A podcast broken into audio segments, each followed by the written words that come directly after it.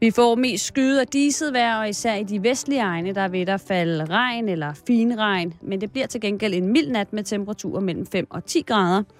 Og nu er det karndag i Halløj i betalingsringen.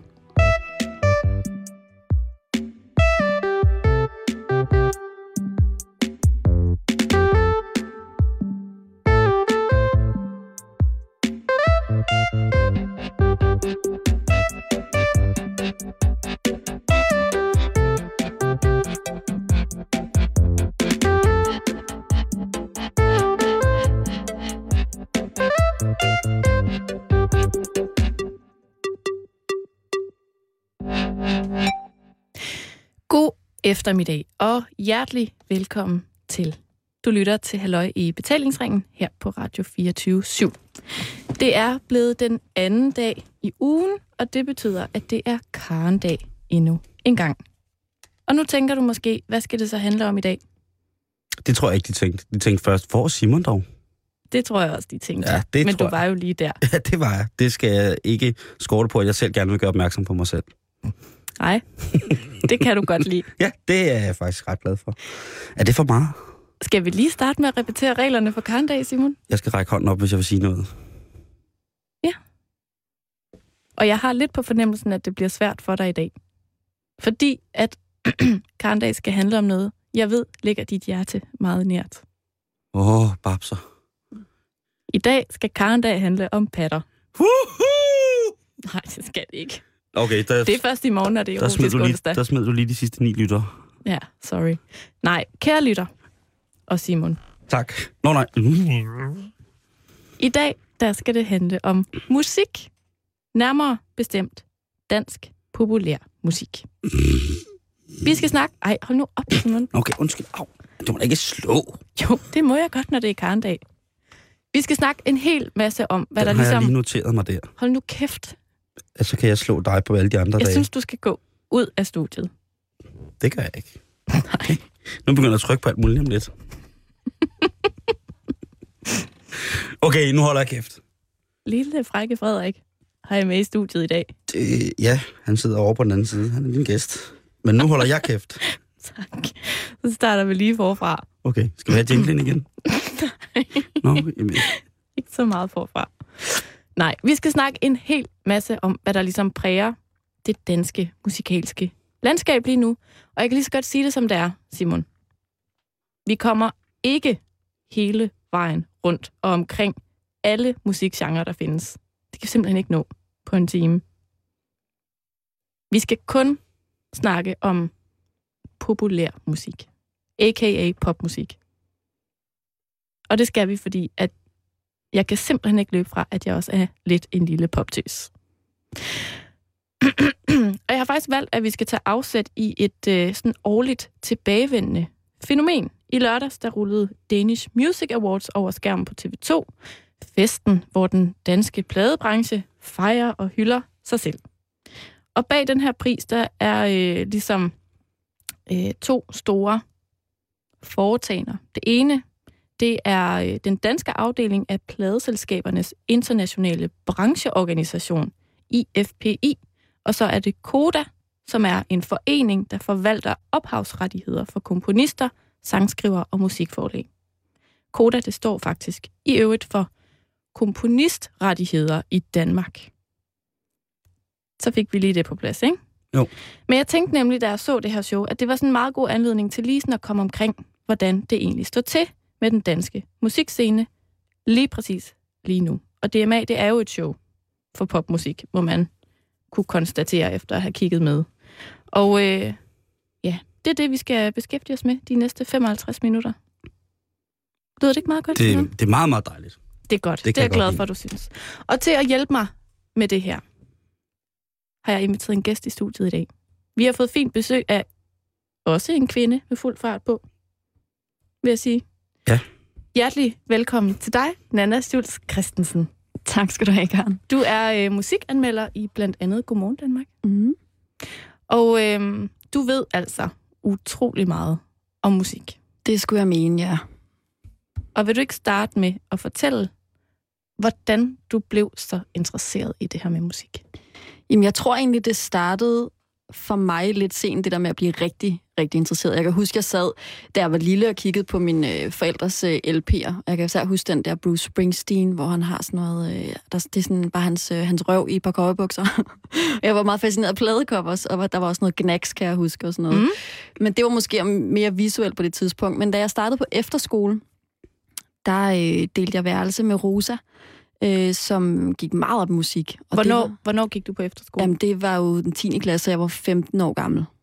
Der, der stak det rigtig af med musikken, og det var på grund af Rosa, som jeg delte værelse med, øhm, som, øhm, som var blandt andet vild med Jeff Buckley, som jo er sådan rigtig jeg skulle lige til at sige, det er en efterskoleklassiker. det er det.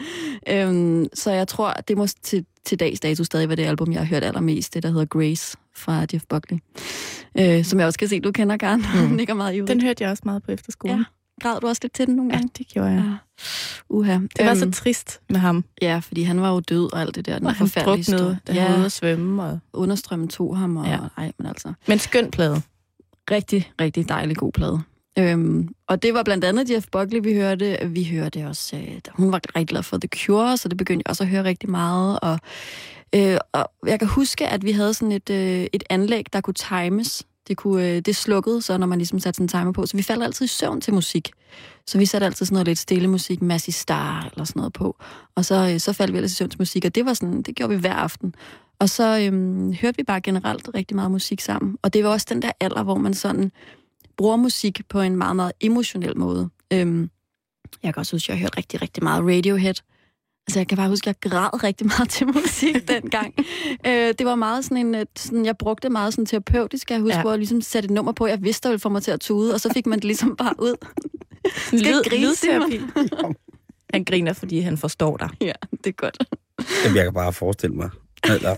Simon starter jo hver dag på kontoret med at sætte en plade på og lige græde lidt. ja. Men jeg har egentlig tænkt på, at det, altså det gør man selvfølgelig ikke så meget længere, fordi man er blevet rigtig sådan voksen, men det burde man måske gøre noget mere, fordi at, øh, der er bare de der numre, som kan få en til at, at tudbrøle, ikke? Og så lige siden, der har du ligesom bare fyldt på med musik ind på harddisken, eller ja. hvordan? Det, det, det, der, der blev min musikinteresse rigtig sådan vækket for alvor, og jeg begyndte at gå rigtig meget til koncerter, og, øh, og det var sådan meget også, øh, det er mere sådan øh, mørke, sådan noget Skunk Nancy og Garbage og Muse. Øh, og, øh, og så, øh, så tog det jo sådan mere professionel fart, da jeg så øh, begyndte som, som vært på programmet Boogie, som jo er et musikprogram til unge, hvor at, øh, der blev min horisont ligesom udvidet, fordi det var jo ikke, øh, der var ikke så meget det musik, vi spillede i Boogie, som jeg rent faktisk kunne lide sådan, som udgangspunkt, men jeg, jeg lærte at elske Nick og Jay, og jeg lærte at elske en masse populær musik, som man ellers måske øh, gik og havde nogle versioner imod. Ikke? Mm. Øhm, og det er jeg rigtig, rigtig glad for i dag, fordi altså, det øh, er jo... Jeg har fået en anden indgangsvinkel til popmusik, hvor man er meget hurtig sådan, til at afskrive populærmusik, fordi det sådan er meget, kan være, virke meget kalkuleret og kommercielt. Men øh, der kan altså sagtens være nogle, øh, nogle kloge hoveder bag, og, der, og som du også siger, du har sådan en poptøs i dig, og det har jeg i den grad også. Og der er ikke noget, som kan få, øh, få mig op at ringe som et rigtig, rigtig godt popnummer. Hvor meget øh, fylder musik så i din tilværelse i dag? Det fylder rigtig meget. Altså, det fylder jo på den måde, at jeg både anmelder musik, og det er jo en lidt anden indgangsvinkel, man så skal tage til det der. Øh, og, og det gør jo også, at jeg får lyttet til noget musik, som jeg aldrig nogensinde ville have hævet ned fra hylderne. Øhm, og, øh, og så hører jeg musik, øh, når jeg cykler, når jeg bevæger mig nogle steder hen. Altså jeg er sådan en, der, der nærmest skal begynde at tude, hvis det er, min, øh, min iPhone løber tør for strøm midt i sådan en cykeltur. Eller, altså det synes jeg simpelthen er noget af det mest irriterende, fordi at det, det virker helt forkert ikke at have musik i ørerne, når jeg sådan er på vej et eller andet sted hen. Sådan, sådan bruger jeg det rigtig meget. Så hører jeg musik om, om morgenen også, når jeg ikke hører Radio 24 /7. Det kan jeg faktisk godt lide at høre om morgenen. Der bliver oh. jo ikke spillet så meget musik, men der bliver man alt klogere. øhm, og øh, jamen, jamen, altid faktisk også, når jeg arbejder, så, så bruger jeg det også. Ja. Mm. Lad kan... lave mad, er det også rigtig godt. kan du sådan prøve at beskrive, hvordan du sådan... Øh, jeg tænker på det her med at være musikanmelder. Mm. Altså, hvordan har du ligesom fundet dig til rette i den rolle? Fordi det må immer væk være lidt mærkeligt, det der med at skulle anmelde noget musik, man måske som udgangspunkt ikke selv synes er super fedt. Helt enig. Mm. Jeg tror ikke rigtigt, jeg har fundet mig til rette i den egentlig. Øh, jeg synes, at øh, jeg synes, det er rigtig svært øh, at i hvert fald at være objektiv, som man jo på en eller anden måde bliver bedt om at være, når man skal være anmelder. Men jeg tror også, jeg har bare øh, defineret rollen lidt selv, at, øh, at den rolle, jeg har på Godmorgen Danmark, når jeg sidder der anmelder, det er, at jeg er hende der, der måske lidt mere hører musik med, med følelserne end med referencerne øh, hvor jeg, jeg kan ikke sidde og nørde helt vildt langt tilbage og sige, det minder om den der Tom Waits-plade, eller sådan, fordi det, det kartotek har jeg slet ikke. Øhm, så jeg, øh, jeg tror bare, jeg prøver ligesom at slå lyttelapperne ud og sige, det kan godt være, at jeg ikke kan lide rock normalt, men hvordan virker det her på mig? Hvad får det mig til at føle? Og så siger jeg mere lige ud, om jeg, jeg, det her det er mit udgangspunkt, og jeg kan lide det her, eller jeg kan ikke lide det her. Så ved mm. folk også ligesom, hvor de har mig henne. Øhm, fordi man kan ikke være objektiv, det kan man bare ikke. Men hvad så, når du skal forberede dig på, for eksempel, at anmelde en eller anden plade? Hvordan griber du det an? Altså, hvor, hvor vigtigt er det for dig og så alligevel at have nogle facts på plads? Og sådan... Det er klart, at øh, jeg researcher jo en del i forhold til, hvis det er et band, jeg overhovedet ikke kender. Så skal jeg ligesom vide, hvor de kommer fra, og hvad, hvad, der sådan, hvad deres historie øh, mere eller mindre er. Øhm, så det er klart, at der, der ligger noget research i det. Øh, og så går jeg rigtig meget op i at lytte til albummet mindst. Jeg vil gerne lytte til det tre gange helst. Det er lidt svært nogle gange, når der er et album, der var halvanden time, eller mere, to timer, kan man også komme ud for. Men øh, så vidt muligt prøver jeg at lytte til det en del gange, fordi det ved jeg jo også, altså når man lytter til et album, så er det ikke altid, det kryber ind under huden den første gang. Så skal man nogle gange lige høre det en del gange, så jeg kan blive rigtig, rigtig sur, hvis det ret ligger ikke når at sende den til skide album til mig i tide, fordi så bliver jeg presset, ikke? Mm. Hvis jeg kun lige kan nå at høre det lige helt kort søndag aften, så, øh, så ved jeg i hvert fald, at min søndag aften kommer til at gå med at bare sidde og, og lytte til et eller andet, jeg måske ikke lige synes er så fedt. Man kan jo godt sige, at du som anmelder i Danmark lige nu er sådan overvåger den danske musikbranche. Mm. Er der noget, sådan, du er faldet over sådan lige for nylig? Noget, du synes, der er interessant? Noget, der ligesom foregår? Altså, vi vender tilbage til hele øh, Danish Music Awards-showet ja. lige om lidt. Men jeg tænker bare på, er der sådan... Er der et eller andet, der slår dig? Er der et eller andet, sådan, der kendetegner sådan selve branchen lige nu, som du jo bliver en del af som anmelder? Altså, øh, jeg vil sige, selve musiklandskabet øh, er, har jo ændret sig meget. Altså, det er jo, øh, som, som det her jo også kommer til at handle om i dag, og det er jo, at altså, populærmusikken øh, fylder rigtig, rigtig meget. Vi hører ikke særlig meget rock. Øh, jeg sad her i mandags i Godmorgen Danmark og anmeldte, nu er det godt nok ikke dansk, men det her med at anmelde en, en Soundgarden-plade, de er så tilbage efter 16 år, så det er jo også et comeback. Men det der med at, at høre øh, eksempelvis rock, det er der en, ikke særlig meget af. Det er meget de store popkunstnere, der præger øh, det danske musiklandskab lige nu, såsom Rasmus Sebak, Medina, Burhan G., øh, dem som vi alle, alle sammen kender. Øhm, og, øh, og det, det vil jeg sige er det mest kendetegn lige nu for, for det danske musiklandskab, det er, at vi bevæger os rigtig, rigtig meget i, i poppens verden. Og apropos at bevæge sig i poppens verden, så skal vi nu snakke lidt om det her show, der altså løber stablen i lørdags på TV2, Danish Music Awards 2012. Og du var jo med. Det er rigtigt. Altså, altså ikke, ikke showet. jeg sad på tilskuerrækkerne, ja. Men du var der inde og opleve det her show. Mm. Øh, der var 22 priser i alt. Det var så ikke dem alle sammen, der blev uddelt til selve showet. Det var der ikke. Det var der slet ikke tid til. Det Nej. var der ikke tid til. De blev uddelt før. Ja. Men hvad er sådan, først og fremmest, hvad synes du om showet? Jeg synes faktisk, at, øh, at det var et ret godt show. Øh, altså, jeg ved ikke, hvordan det har set ud på skærmen derhjemme, men jeg havde en fest i hvert fald, og jeg synes, at det var øh, godt tænkt med, at øh, at den, det her podie, hvor man går op og modtager priserne, ligger nærmest sådan ude blandt publikum, og jeg synes selve sådan koreografien var rigtig fin. Øhm, og så øh, elsker jeg jo sådan noget med, at når kunstnere går sammen og laver nogle mashups, øh, for eksempel øh, så blev øh, showet skudt i gang af, af Nabia og Stine Bremsen for Alphabet og Aura, øh, hvor de ligesom, de sang deres egne numre, men de, de gik ligesom var inde og overlappe hinanden. Øhm, og både visuelt fungerede det bare helt vildt flot. De er jo nogle dejlige mm. damer, alle tre. Altså, det må jeg simpelthen give dig ret i. Ja. Altså, det var girl power. Helt vildt. Altså, ja, hele meget. showet åbner bare med de her tre super kvinder, der bare kan synge, og de kan danse, og de ser godt ud, og ligesom står sammen deroppe. Det var meget stærkt, synes ja. jeg faktisk. Det fungerede rigtig, rigtig godt, og det er jo også det, jeg synes, at et awardshow skal kunne, det er, at vi ikke bare skal se kunstnerne opføre deres øh, nummer live, men at der bliver lavet noget unikt, noget vi ikke har set før. Så det, øh, det er jeg helt vild med, og det er det, som, øh, som DMA gjorde et par gange i løbet af showet, ja. Mm. Fordi der var jo også nogle andre, der gjorde det. Det er rigtigt. Der var jo den her, der er jo den her ærespris, øh, som i år øh, gik til Thomas Helmi. Og, øh, og det havde fået øh, Mads Langer og Outlandish og øh, Burhan G til at lave sådan et, et medley, hvor de sang et Thomas Helmi nummer hver. Øh, og det hele var ligesom arrangeret af, af Burhan, og jeg har altså et øh, softspot fra, fra Bulle. Altså, han, han er virkelig dejlig, så han, øh, han overraskede mig der, det synes jeg var vildt lækkert. Og det ved jeg jo, at du har, og det har jeg jo også. Ja. Så jeg har simpelthen sørget for, at vi alle sammen lige kan høre, hvordan det lød, da Burhan G. han fortolkede Thomas Helmi.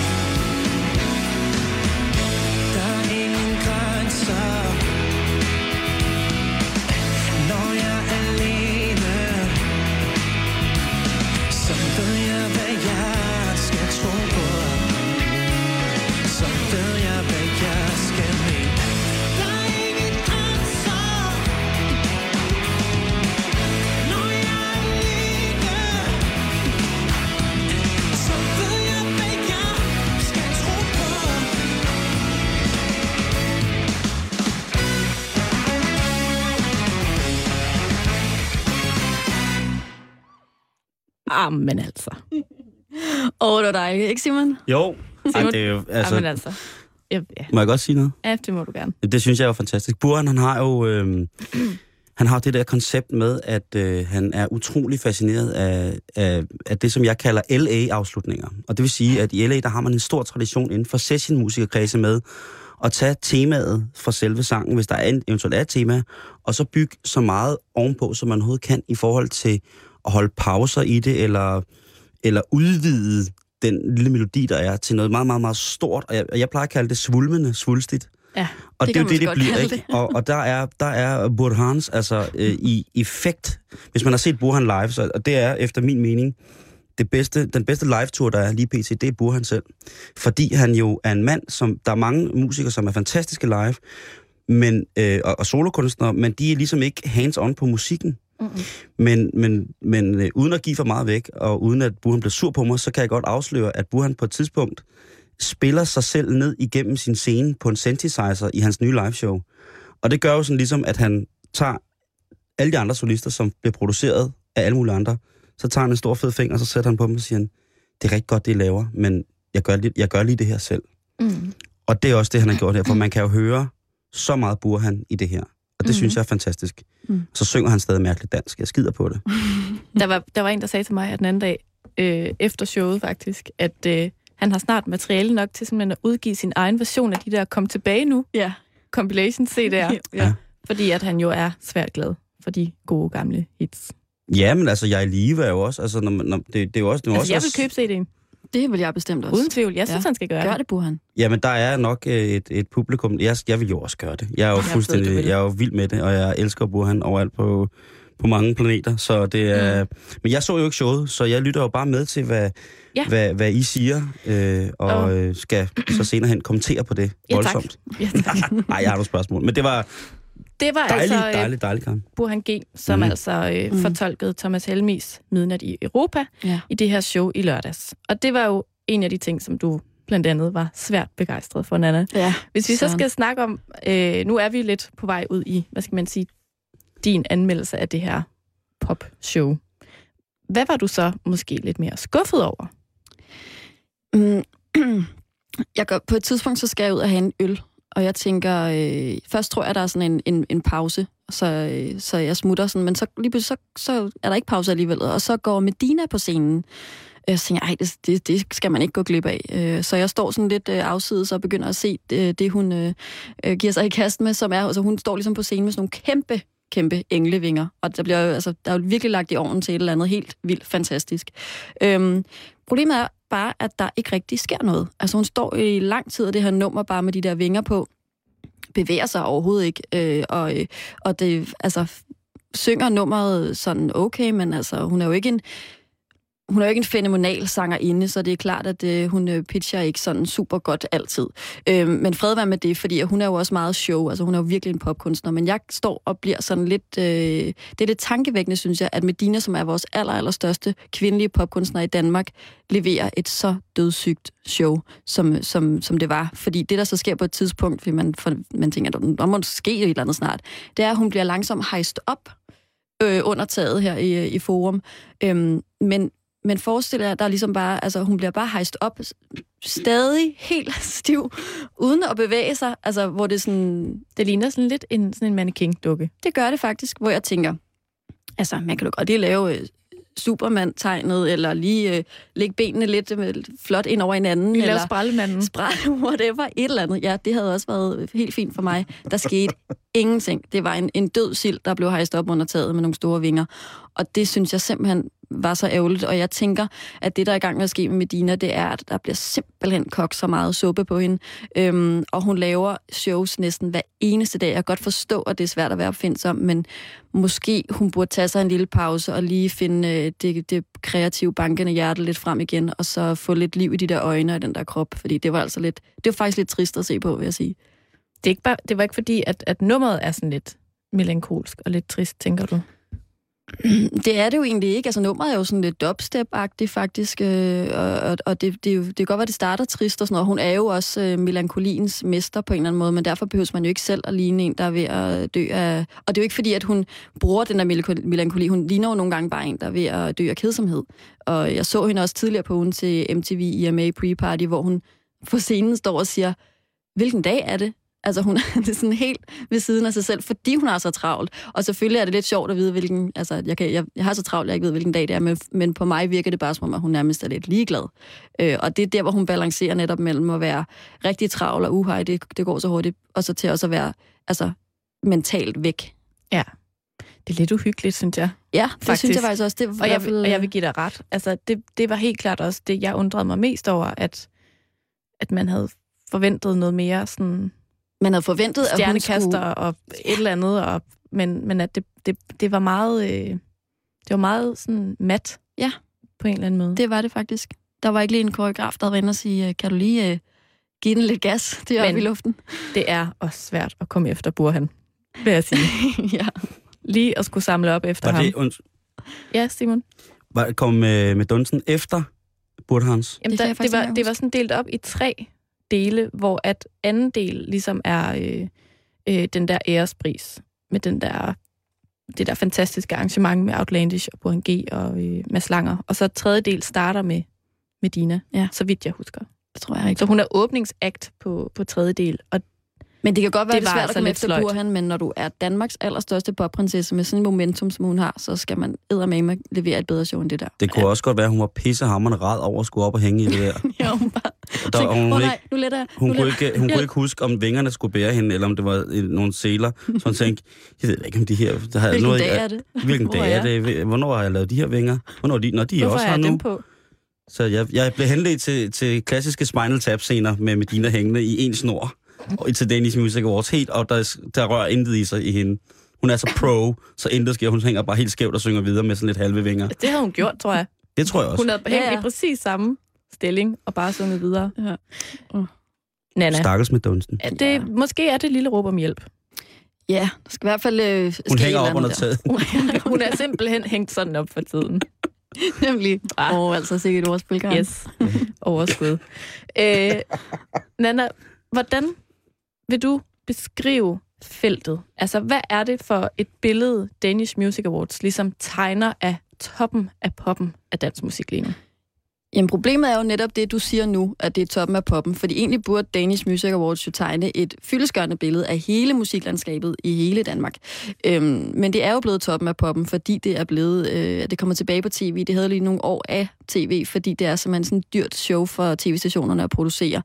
Øhm, og derfor er der også går jeg ud fra at taget en anden ret klar beslutning fra TV2's side om, at når, hvis vi skal sende det her Danish Music Awards, så skal der også være en stor kommersiel interesse i det. Og det er der bare mere i de her store popkunstnere. Altså man kan ikke lave et Danish Music Awards øh, uden øh, Medina og Rasmus Sebak og Burhan G, de der st- helt store. Øh, men det kan undre mig rigtig meget, at feltet alligevel er øh, kortet så meget ned til at være de store øh, kunstnere inden for populærmusikken, mm. Mhm. at der er rigtig mange kategorier, der også er skåret fra, øh, og at, øh, at DMA faktisk går hen ikke og tegner et fyldesgørende billede af den danske musikscene lige nu. Et meget godt eksempel på det er for eksempel øh, rock-kategorien. Ja. Nævnte du for mig, inden vi gik i studiet. Kan du ikke prøve at forklare, hvad du undrede dig over der? Jamen altså, øh, årets danske rockudgivelse, de nominerede, det var øh, D.A.D. Nå ja, det er, det er rock, det kan vi godt blive enige om. Øh, så var der Turbo Weekend. Turbo Weekend har ikke nogen guitarist. Øhm, og så var der øh, Spleen United, hvis øh, øh, nye album School of Euphoria er sådan nærmest transet nogle gange. Det er meget, meget elektronisk. Mm. Det er så dem, der går hen og vinder prisen også. Så altså, det er der, hvor jeg tænker, øh, der burde det være muligt at have fundet nogle andre nominerede. Så jeg tænker for eksempel øh, Tim Christensen and the Damn Crystals øh, har udgivet et, et, et rent ganske fint øh, rockalbum. Hvor var han ligesom hen i det her? Han var nomineret til publikumsprisen, men altså rock kan vi ikke... Altså, det er meget mystisk, i hvert fald i min verden, at man går ind og nominerer noget, som i mine øjne ikke er rock. Mm-mm. Er der, er, var der sådan en, en pris, hvor du tænkte, den er virkelig fortjent? Jeg synes, at det er fortjent, at øh, Lucas Graham vandt for årets nye navn. Øh, det var den eneste pris, de tog med hjem, øh, så, øh, og det var rigtig vigtigt, at de fik en pris overhovedet, fordi det, det, det har været nogle af de mest markante på den danske musikscene. Øh, og øh, man kan så undre sig over, jeg, jeg havde faktisk troet, at de ville tage øh, at de ville være dem, der løb med flest priser. De var, de var nomineret, var det syv gange eller ja, sådan det noget? tror jeg. Det er alligevel Øh, også en del. Ja, så, altså, så den, set i lyset af, at de så kun tog en, men også øh, fordi jeg også synes, at de er årets nye danske navn, så, så er den i hvert fald helt klart fortjent. Var der så også en pris, hvor du tænkte sådan, ah, det, den var du ikke lige enig i? Åh, oh, det er svært. Altså, jeg synes, at øhm, Rasmus Sebak tog jo rigtig, rigtig mange priser. Jeg tror, at der er jo helt klart noget rigtigt i, at han, han kan jo noget. Altså, vi kan jo ikke øh, fornægte hans store, store succes.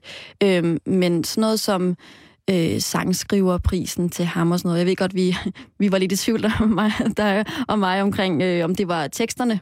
Eller øh, han melodierne? vandt. ja, altså det er, jo, det er jo melodierne, tror jeg, han, øh, han har vundet prisen for. Men der synes jeg måske...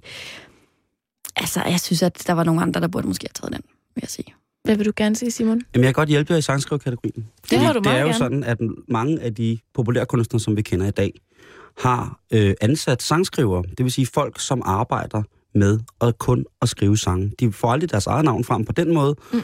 men de arbejder rigtig, rigtig meget med at, at kun at formidle sådan et, et popagtigt udtryk. Mm-hmm. Øh, hvis man tager for eksempel en, en, en, en pige, som var populær for en del år siden, som hed Ingelina, som sammen med øh, DJ Ankor lavede temaet til Big Brother, øh, som sangerinde og I solist. see right through you. Lige præcis. Yes. Øh, hun er jo i dag en af de mest benyttede sangskrivere, og, og er en af dem, som ligesom virkelig hamrer igennem med at bare sprøjte rigtig, rigtig gode popnummer ud i alle mulige forskellige genrer. Mm-hmm. Og tit er det faktisk kvinder, som, som uh, sidder i den position, at uh, ja, de, de måske har et bedre sangskriverhjerte. Tit og ofte, når man ser sangskriver som mænd, så er de en due. Så er det, så er det tit to mænd, der har Mm. fundet sammen. Den ene kan spille klaver, den anden kan spille trommer, og derfor så er det ligesom sådan. Og derfor så, sangskriverprisen er ligesom også givet for at sige, jamen prøv at høre, du skriver dit eget materiale, du producerer det selv, og ikke, du udgiver det jo ikke selv, men så det ligesom, jeg tror, at, at alle de andre ting, som Rasmus har oveni, har Mm. gjort, at jamen, Øh, fordi det er jo, i virkeligheden er det jo en, en produktmesse for, for den danske musikbranche. Ikke? Mm. Der er jo også rigtig mange udenlandske folk, der sidder og kigger med og siger, Nå, det er det, de har at byde på. Ikke? De skal være meget glade for det. Så Musikmæssige forum. ja, lige præcis. Ikke? Og der tror jeg, øh, at sangskriv... Øh, øh, Grammin hedder det stadig det? Øh, eller Det er- det, DMA'en, tror jeg. okay, det ja. det er gået til Rasmus, Awarden. øh, fordi at han ligesom øh, på gentagende album har bevist, at jamen, hans, hans sangsk- sangskriveri er ligesom En kæmpe Øh, succes. uigenkaldeligt noget, som kommer til at, at, at præge det her årtis musikhistorie. Ja. Ja, Øhm, Uden tvivl. så, så derfor så tror jeg, sang, og sangskrivertingen ligesom faldt på ham. Og så selvfølgelig også fordi, som Nana selv siger, jamen det ville da være mærkeligt at hive en eller anden frem, som folk slet ikke kendte i primetime. Vi blev heller ikke overbevist om, hvem der har været årets folkemusiker, vel? Nej. Øh, og jazz, jazzmusikerne har taget konsekvensen lavet deres helt egen pris. Mm. Øh, og det har rock øh, prisen også, eller man kan sige, nu, nu nævnte du selv dit bands med rocken, ikke? og der er selvfølgelig tale om noget, noget udvikling i, i, i genren selvfølgelig, fordi der er en genreudvikling, men der er også tale om, at der er mange mennesker i den etablerede branche, som tænker, vi får alligevel ikke hyldet de rigtige. Vi, nu har vi været i branchen i 30 år, vi, og vi får stadig ikke hyldet de rigtige, på grund af, at der er et Vi merkantilt får tiltag. stadig ikke nogen priser. Ja, lige, det kan man også godt sige. Øh, men for eksempel sådan noget som Ken Gudman-prisen, den store danske tromslager, som der bliver afviklet, øh, er jo et orke af gamle, lidt sjove rockmusikere, ikke, som hylder hinanden. Nu er det så blevet givet til øh, The William Blakes, faktisk, som øh, med de to Mikkel Nordsø-sønner, og så selvfølgelig Christian Let, skal stå for at hylde de her mere fremtrædende mennesker, der har givet noget til musikindustrien mm. i mange år. Så ja, man kan, man kan vel sige om showet, hvad, hvad man vil på den, her, på den konto, men sangskriver, det er Rasmus Sebak. Det kan jeg kun give dig ret i. Og meget apropos alle mulige sjove, spændende genrer, Mm. så øh, skal vi nu på en lille tidsrejse. Fordi at for 20 år siden, Nana, Mm-hmm. Der havde man jo en del flere musikgenre med i det her storslåede show. Der var blandt andet årets øh, folk country western Yes. udgivelse. Der var en heavy rock kategori, der var klassisk, og der var jazz. Øhm, og det var altså også dengang, man havde en kategori, der hed årets børneudgivelse. og jeg synes lige, vi skal høre, hvem der faktisk vandt for præcis 20 år siden. Årets Grammy for årets børneudgivelse.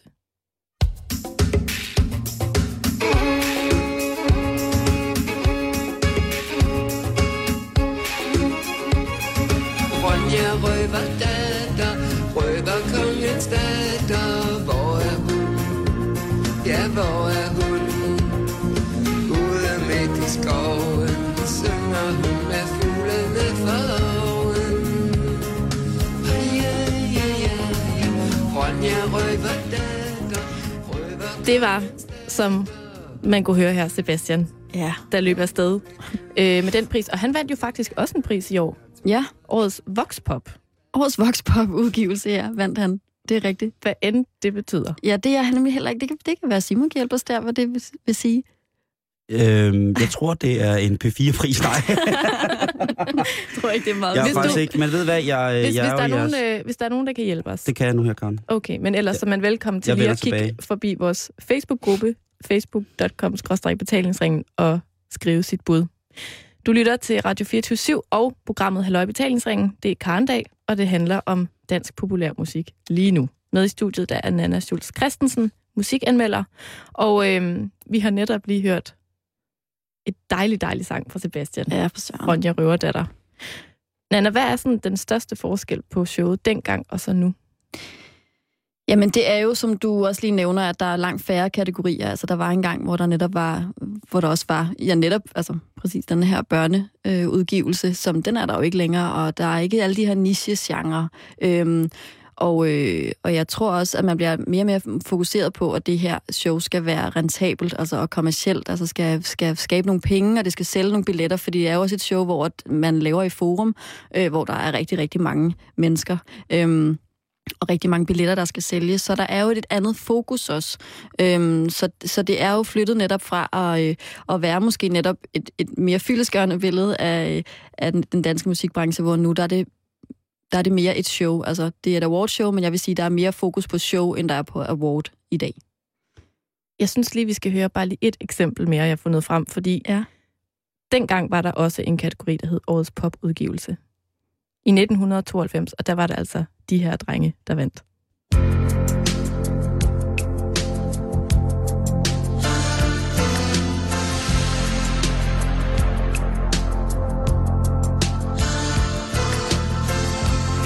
Takes you out and he takes you up. Cause he can show you so much. I go to bed and tomorrow again. There's a lot of work to be done. Mike Learns to Rock og nummeret The Actor. Øj, det er så godt. Jeg er helt ked af, at vi ikke skal, høre nummeret færdigt. Det er jeg faktisk ikke. Nej, det er du ikke. Nej, Åh, jeg jeg tænker, synes, det det var, det var fint. øhm, Nana, jeg kan ikke lade være at tænke på, altså jeg ved godt, du ligesom ikke sidder med alle svarene og sandheden, men jeg, kan, jeg har lyst til at spørge dig alligevel. Altså, når man ser sådan et show, hvor hvor tæt ligger det så op af sådan, hvad skal man sige, sandheden? Altså, hvad, hvad kan man egentlig bruge det her show til, når man ikke er en del af festen som musiker eller øh, noget andet i pladebranchen? Altså, som udforstående, hvad, hvad kan man så ligesom tage fra det her show og bruge til noget? Altså, man kan jo sige, altså showet er jo, øh, er jo, har jo en underholdningsværdi. Du kan jo øh, se det, og så jeg tror også, vi, vi snakkede om før vi gik i gang her, at vi begge to faktisk synes, at det er et, et ret godt show. Det, øh, det, det, der blev sendt i lørdags, var øh, rigtig underholdende og flot. Og det blev der jo lagt øh, mange penge i, og der var ekstremt meget, jeg lagde mærke til, der var ekstremt meget ild, og meget ild og fyrværkeri, og øh, der var virkelig ikke sparet, vel? Øhm, så det kan man jo for det første få ud af det, og blive underholdt med det her årlige show. Man ved, at man er sikret, at alle de største møder op. Øhm, og øh, så, altså jeg ved ikke, det med selve priserne, jeg ved ikke, hvor meget vi kan bruge til det som musiklyttere, og hvor meget musikerne rent faktisk kan bruge de her priser til. Fordi at, øh, man kan sige sådan lidt som Rasmus Sebak, han er jo i forvejen så kæmpestor, at de her priser, jo, de kommer sikkert til at bryde øh, en eller anden hylde, hvor der står en milliard andre hjemme hos ham. Øhm, men men om det genererer pladesalg, øh, mere pladesalg til de, de vindende kunstnere, det er jeg faktisk ikke sikker på, at det gør. Altså, øh, det er et, et underholdningsshow mere end det er, øh, nu skal vi ligesom tegne et billede af musiklandskabet, og nu skal vi øh, få nogle kunstnere til at sælge mere, eller sådan. Mm. Altså, jeg tror, det er primært underholdning, og, øh, og jeg selv i hvert fald bruger det som et, øh, som et fedt underholdningsshow, hvor jeg kan mm. se nogle, nogle kunstnere optræde. Og især, jeg synes netop, især det er fedt at se nogen gå sammen om at lave noget, netop som vi snakker om tidligere med, med de tre damer der, og så også med hyldelsen til, til Thomas Helmi. Det er sådan noget, jeg synes er, er virkelig, virkelig fedt, hvor at vi holder kunstnerne på duberne og mm. får dem til at lave noget andet, end at bare stå og lire deres egne numre af. Øhm, det synes jeg er fedt ved det. Øhm, men selve prisværdien, Altså, for der sidder, der sidder jo en jury og bestemmer, ja. og der er også nogle af priserne, hvor man kunne stemme og så videre. Altså, skal jeg som seer af det her tænke, nå, jamen, ham eller hun er bare årets kunstner i år. Altså, det er sådan... Nej, det, hvor, det, hvor stor en værdi skal man tillægge den her pris? Ja så stor, som man nu har lyst til, men det, jeg, øh, jeg tror ikke, at du skal sige nødvendigvis, at det er den største kunstner, fordi det er jo individuelt også, at man kan sige, jo, altså vi kan jo se på nogle salgstal, at Rasmus Sebak er den, der har solgt aller, allermest, og så vinder han også fire priser. Det hænger måske meget godt sammen, men jeg tror også, det er, øh, det er rigtig vigtigt, at, øh, at vi ikke lader, at det her det kun er de skrabe i overfladen, at der er rigtig meget andet super, super fedt dansk musik, og det er vigtigt, at vi også dykker ned i det, men det får du øh, ikke igennem DMA, det får du øh, måske igennem sådan noget som P3 Guld og nogle andre awardshows, og så får du det ved at, at researche lidt selv og grave lidt, mere, grave lidt dybere, fordi det her, det er bare toppen af poppen, så at sige. Og apropos andre steder og andet dansk musik, så bevæger vi os væk fra Danish Music Awards nu. Året 2012, det går så småt på held, og øhm, hvad, hvordan vil du ligesom gøre status over musikåret 2012 herhjemme? Åh, oh, det er svært at gøre status endnu. Øhm, øh, jeg synes, det har, været, det har været et godt år for dansk musik. Det lyder sådan helt vejrudsigtagtigt. øh, jeg, altså, jeg synes, der er kommet rigtig meget nyt, interessant dansk musik. Der er jo, det, der er kendetegnende i år, det er jo blandt andet, at altså, der er jo rigtig mange danske kunstnere, der synger på dansk. Øh, vi har set sådan et, et skift i, at der er rigtig mange, der vælger at synge på dansk. Og så er der også hele denne her dancehall øh, reggae-bølge, som er skyllet ind over, os, øh, over sommeren, og som stadig øh, ligger og, og lummer lidt. Øh, det er så der, hvor jeg, hvor jeg synes, at øh, jeg er ved at være lidt træt af, af det her dancehall reggae. Og dem, der måske ikke lige ved, hvad det er, der har jeg en lille lydbid her. Her er der noget dancehall. Ja, den her, den kan udtale de kriminelle mennesker i hele København.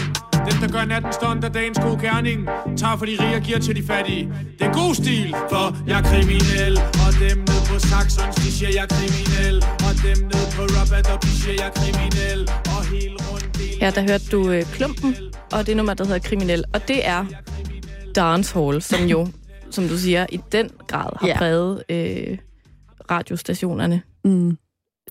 Ja, det her år. Hvad, hvad, der er du så stået lidt af, eller hvad? Ja, fordi altså, nej, øh, ja, jeg synes, at det har været vildt forfriskende, at der er kommet den her sådan helt ny genre, øh, der er rullet ind over os. Og det er også, men det, der tit sker, øh, fordi vi er sådan et lille land, og fordi vi dermed også er en rigtig lille øh, musikbranche, det er, at så er det sådan, så hopper alle på bølgen. Og så er det, det er kun det, man hører. Øh, og så bliver det simpelthen bare fedt op med det på et tidspunkt. Det er ikke, fordi jeg synes bestemt ikke, at det er dårligt, og jeg synes, at det er rigtig fedt, at det er kommet, men, men jeg er lidt øh, den der øh, Bacon-sang fra øh, James Brown, noget jeg bliver blive ret træt af, og jeg synes, at Klumpen og Klumpen og Raske Penge også har, altså, det har været super, super fedt, det de laver, men jeg er bare ved at nå øh, et mæthedspunkt, fordi Ja, netop fordi, at, at det er en, vi er en lille branche, og folk påvirker hinanden, så derfor så var det lige pludselig ekstremt massivt. Øhm, og så er det jo, man går hen og bliver lidt træt af det, hvis man skal høre på det hele tiden. Det kan man hurtigt blive. Ja. er der så noget, du sådan er blevet særligt begejstret over på den danske musikscene her i 2012? Jamen, altså, Meget sådan apropos det her med dansk sproget, og ja. sådan, er der nogle kunstnere, du sådan... Altså, jeg, jeg synes, der er mange, der er værd at lægge mærke til. Jeg synes, at, øh, at øh, sådan en kunstner, som også er blevet hyldet meget her på det sidste, som hedder Christoffer, som jo egentlig er sådan et lidt The Voice-navn, og som er meget poppet. Øhm, jeg kan huske, at jeg stiftede bekendtskab med ham for halvandet års tid siden, også hvor jeg bare tænkte, han går hen og bliver kæmpestor. Fordi at han, han, han kan det der med at tage en guitar og spille et nummer. Han kan bestemt også synge og er blevet meget bedre til det i løbet af det sidste år. Og så har han the looks. Altså, øh, virkelig, virkelig køn fyr. Kan det passe, det ham, der har James Dean tatoveret på sin arm? Det er rigtigt, ja. Som faktisk ligner... Han ligner meget James Som Dean, ligner ja. lidt, at han har tatoveret sig selv på Og så var der også lige det, at han gik hen og blev kæreste med Medina. Det har måske også hjulpet hans karriere lidt, ikke? Øh, så det er virkelig toppen af, af poppen, de to, ikke? Men jeg synes, at han fortjener den hyldest også, fordi at han har virkelig, han har noget at have det i, og han, han har bare så meget gejst, og han, nu har også mødt ham et par gange, han er simpelthen også noget af det mest ydmyge, så, øh, så det, ham synes jeg har været forfriskende i forhold til, til popscenen, at vi nu får nogle nye navne også ind, fordi vi har godt nok rørt i gryden med Medina Burhan og Rasmus Sebak et stykke tid. Mm. Øhm, og så sådan en kunstner, som er lige kommet ud med et album, Marie K., øh, synes jeg er forfriskende også, fordi at hun er så anderledes, at hun stadig kan lave popmusik med kant, og så have det her, den her helt specielle stemme og helt specielle lyd, men at det stadig er så tilgængeligt, som det er. Og apropos Marie K., så har jeg øh, et lille eksempel på, øh, på et af hendes numre med, Dejligt. som jeg synes, vi skal lytte til. Og jeg synes personligt, at hendes tekstunivers er helt fantastisk. Ja. Altså, det er jo ikke nogen hemmelighed, at hun er lesbisk. Mm. Øh, men det betyder egentlig ikke, at man ikke kan identificere sig med hendes tekster og, hendes, og de, altså den stemning, hun ligesom bygger op i løbet af et nummer. Og her, der skal vi høre hende med det nummer, der hedder Uopnåelig.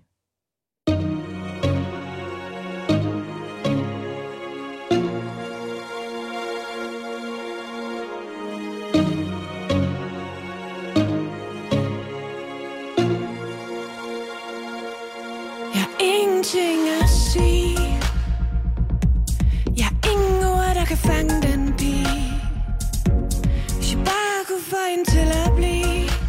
Men hende her, hun er umulig. Umulig at fast, hvad jeg ikke vil give. For hun var min i det uendelige. Giv mig lidt mere, giv mig lidt mere. Giv mig et til stik. Giv mig lidt mere, giv mig lidt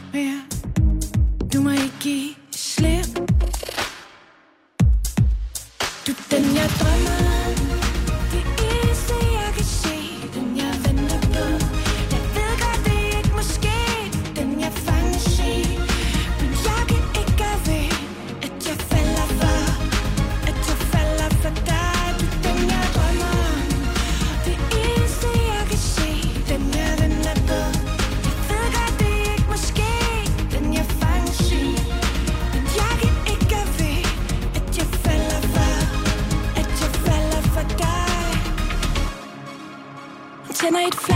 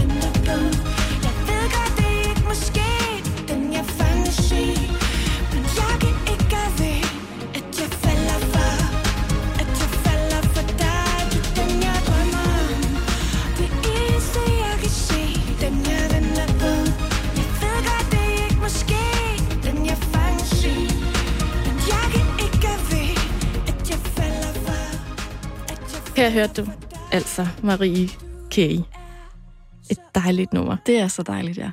Hendes stemme så- er helt fantastisk. Ja, Altså, det er det- sværisk, altså. Ja, og hun har fået hjælp på hele den her plade fra øh, den ene halvdel af Stoffer og Maskinen. Mm. En gut, der hedder Andreas. Ja. Som altså har været sådan producer på det her elektroniske Ja. univers. Det kan man sige, det er jo også det, Stoffer Maskinen er rigtig god til at lave de her meget lækre elektroniske, melankolske pop-melodier, ikke? Og så med Marie K. over som øh, vokal, vokalist, så går det slet ikke galt. Hold kæft, det er så godt. Hvad synes du, Simon? Jamen, jeg synes, han er en dejlig dreng, ham Marie K. der. Jeg synes, det er et fantastisk nummer. Jeg synes, hun er, jeg synes at vi er... Jeg har jo tit øh, i min egen øh, galle og indebrændthed efterlyst øh, flere øh, kvindelige producer, øh, som selv gør ting selv. Altså mm. det vil sige, når man siger producer i dag, så har det en anden betydning, end det havde for, for Da du 20 var år barn. siden. Ja, øh, hvor det betød, at Før man, 2. verdenskrig. Lige præcis. øhm, og producere i dag betyder simpelthen, at man sætter sig selv ned og hands on, sidder ved computeren og laver musikken, eller spiller instrumenterne og indspiller dem selv. Og der efterlyser jeg ligesom, altså der er begyndt at komme flere, men det er som om, der er, er, er en velvilje, som jeg ved ikke rigtig, hvor jeg skal, skal skrabe sammen hen for at ligesom at tage en, ja, nu er selvfølgelig Marie øh, Case selvfølgelig et rigtig godt eksempel på det, rigtig godt, øh, men sådan rigtig hands-on piger, som for eksempel Hannah Snyder, øh, hvis man tager ud, hvis man ser hende live for eksempel, og ser, hvor hands-on hun er, ikke? Som, som alle mandlige producer i dag vil gå fuldstændig knæ over, når man ser, hvordan hun behandler sine maskiner og arbejder med det live og sådan nogle ting. Altså, hvor man tænker, det, det, det er måske meget mere sådan drengetingen elektronisk, ikke? Men der er jo altså folk, som øh, virkelig i... Altså en Tori Amos for eksempel, hvis man ser hende spille øh, live, og hvordan hun selv afvikler sine digitale ting, har alle mulige mærkelige ting med. Jeg synes, altså, det, det, det, det mangler med noget points, og det behøver ikke at være pænt. Det må også godt være, det må også godt være noget rockmusik. Altså, at, at jeg synes, at det, det, det, det, det, at det, det er desværre lidt kedeligt med, at der ikke er flere... Øh, Hvad med Oland? Hun er vel også jo, rimelig meget jo, hands jo, hun er også meget hands ikke? Men Jo. hun er også øh, i jo øh, blevet be, begavet af, af sit pladeselskab med nogle sangskrivere, apropos det, vi snakker om tidligere, og nogle producer, mm. som jo altså har siddet i, i, i, i guld til, til hofterne i rigtig, rigtig mange år, Ja. og har deres helt øh, øh, eget eksplicite og distinkte udtryk inden for en elektronisk genre, som man kan sige, selvom hun siger, at jamen, det er noget helt andet i forhold til, hvad vi ellers har hørt med de producer, hun har haft med, øh, så er der stadig nogle signaturlyde, der er stadig nogle, nogle, nogle, nogle mønstre i musikken, som går igen fra de, nogle andre produktioner, de producer har lavet. Så, så, så det, jeg savner, er, kan man sige, helt ned til, til benet, er øh, tøser, som, som står for det hele. Mm. Altså, det synes jeg, er, for, for os mænd er der jo, altså, det er jo, Og det er jo ikke, fordi de ikke findes. nej, nej, nej, for fanden, altså, for de er satan, jo der nej. Øh, lige præcis, og det, og det, du ved, ligesom med det, hvorfor har der, hvorfor har, har kvindelige DJ's for eksempel, du ved, altså, Dem er der da også masser af. det er der masser af, men hvorfor skal man ikke se dem på scenen i samme øh, omfang, omfang som for eksempel, nå ja, mandlige DJ's? Det synes Mm. jeg, du skal spørge mændene om. Det har du egentlig ret i. Hele EDM-bølgen, øh, den er jo præget af, Ja, det må man af sige. mænd. David Guetta og Swedish House, Mafia. og Så kan man så diskutere, om Swedish House Mafias er mænd. Dem tænker du er damer? Ja, det tænker jeg. er de lidt. Ja, det tænker jeg. Jeg tænker nogle gange, der tænker jeg, De får fæsende, ja, det er simpelthen for skident, mand. Hold kæft, noget skident musik, altså.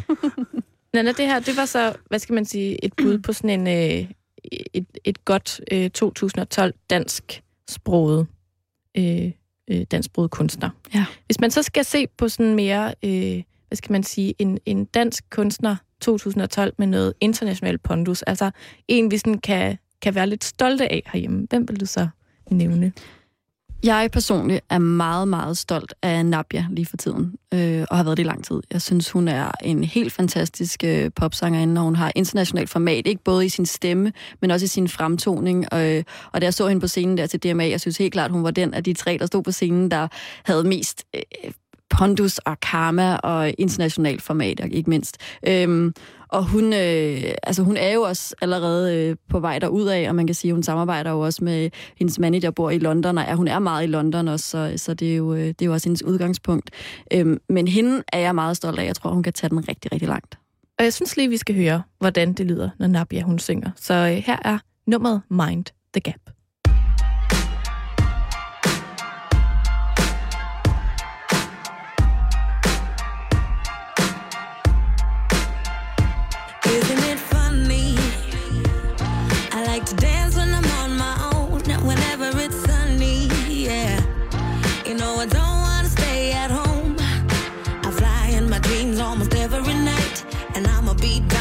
my powerful life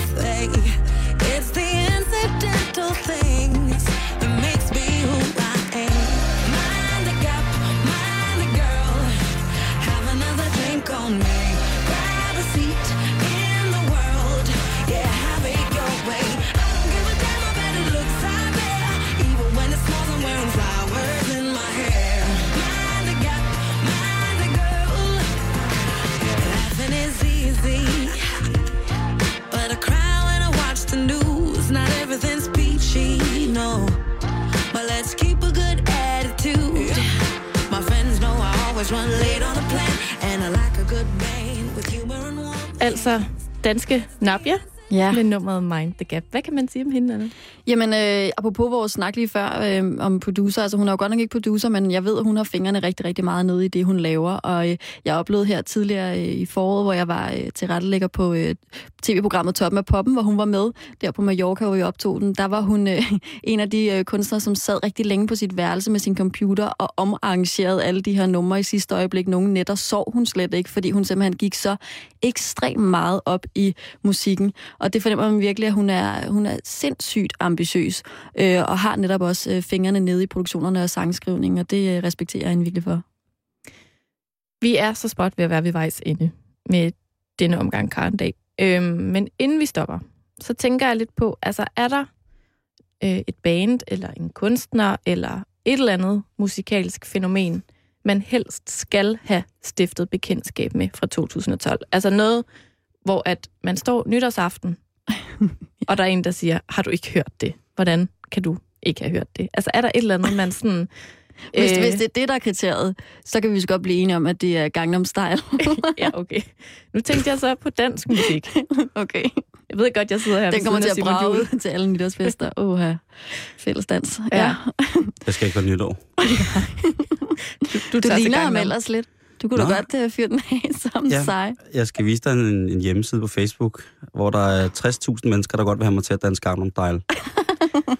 Jeg har set Simon gøre det. I små, Ej. Hvor? da du ikke så, jeg kiggede. Jeg tror aldrig, jeg har gjort det. Så ville jeg blevet utrolig rig, hvis jeg havde gjort det. Ja.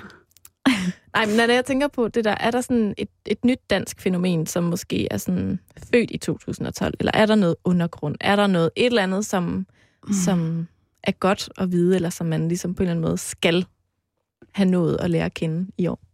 Åh, oh, jeg synes, den er svær. Øh, altså, jeg vil... Det er jo også lidt kedeligt at tage nogle op, man har talt om. Jeg synes altså, Marie K., hun, at det er bare sådan et, et, et fantastisk album, altså, så jeg, som jeg synes, at lige meget, om man så... At det går, at man ikke skal være øh, seks år gammel, men, men teenage-tiden der, den, den alder, hvor- som jeg også var, da jeg lå på... Man kan øh, godt græde til hendes man- nye album. Det kan man nemlig, og man kan godt ligge på efterskolen ja, og lytte til det, når man falder i søvn. Øh, og man kan altså også, synes jeg, være oppe i 60'erne og 70'erne døden nær og stadig høre det. Så sagt med andre ord, når man lige om lidt går amok i julehandlen, Ja. så uanset om det er fætter Frederik eller onkel Jørgen, der skal have en CD, så kan man godt måske investere i den her plade. Så kan man godt tænke lidt ud af boksen, og ikke kun tænke Rasmus Sebak, men også måske putte Marie K. ned i den der indkøbskurv. Ja. Nana, bare lige sådan her til sidst. Hvad er sådan den næste øh, koncert, du har på øh, programmet, hvis man har lyst til ligesom at følge i dine fodspor? Ja, altså øh, som jeg indledte med, så er jeg jo lidt en poptøs også, og jeg, øh, jeg regner stærkt med at skulle ind og se Chris Brown i Forum i morgen aften. Jeg synes, øh, man kan jo så synes om manden privat, hvad man vil. Øh, han har jo... Han er øh, altså en skidtkale. Han er en skidtkæl, det er han, men han er kommet videre og har været på anger management kursus. Øhm, og jeg synes, at han er en fantastisk performer, en, en fed danser, og jeg bliver sikkert skuffet over lyden og musikken, og han synger sikkert playback og sådan noget, men, øh, men han, jeg, jeg synes, han er fantastisk, så ham vil jeg gerne ind og opleve. Så øh, der kan du faktisk møde Nana i morgen Der mødes til, vi. ja. øh, til Chris Brown-koncert. Nana, tusind tak, fordi at du var gæst her i betalingsringen i dag. Tak fordi jeg måtte komme. Og øh, Simon, tak for god ro og orden. Men selv tak. Selv tak. I morgen der, øh, er det jo onsdag. ja, det er, Det er øh, erotiske onsdag i morgen. Yndlingsdagen på ugen. Og i morgen der får vi besøg af en rigtig, rigtig sød mand, som øh, også har været på besøg i stationen i dag. Han hedder Jeppe Hall, han er fra Sex og Samfund, og han skal forklare os lidt om, hvor svært de unge har ved at, at, at navigere rundt i den øh, jungle, der er, og skulle få det ret, øh, rette præventationsmiddel til sig selv. Og så skal vi snakke om, hvordan det er at være, altså om det stadig er tabu at snakke med sine forældre om, og alt muligt andet. Der er meget godt på beding øh, i morgen omkring øh, om prævention. Det er meget sjovt, det skal handle om prævention. Det kan Er det frækt, synes du? drønfrægt. Ej, der, det, det, det kan man heller ikke uh, lære Ej, Karen, for, det, for det lidt må jeg om. sige som den ældre, Eller for meget øh, den der hvad tættest på at skulle dø her i firmaet, så vil jeg sige, at det er vigtigt, at vi snakker om det. Og også for, øh, for piger i din alder. Ikke? Fordi ellers så bliver du bare en dame. Med barn, lige pludselig. Med, med, med, med P-ring. Ej, det lyder simpelthen lidt uhyggeligt. Du kan høre, om det er hyggeligt eller uhyggeligt i morgen i betalingsringen øh, fra klokken 17 til klokken 18. Men øh, Karen, Dejligt. Jamen, tak for i dag, Simon. selv tak. Nu er det blevet tid til et nyhedsoverblik her.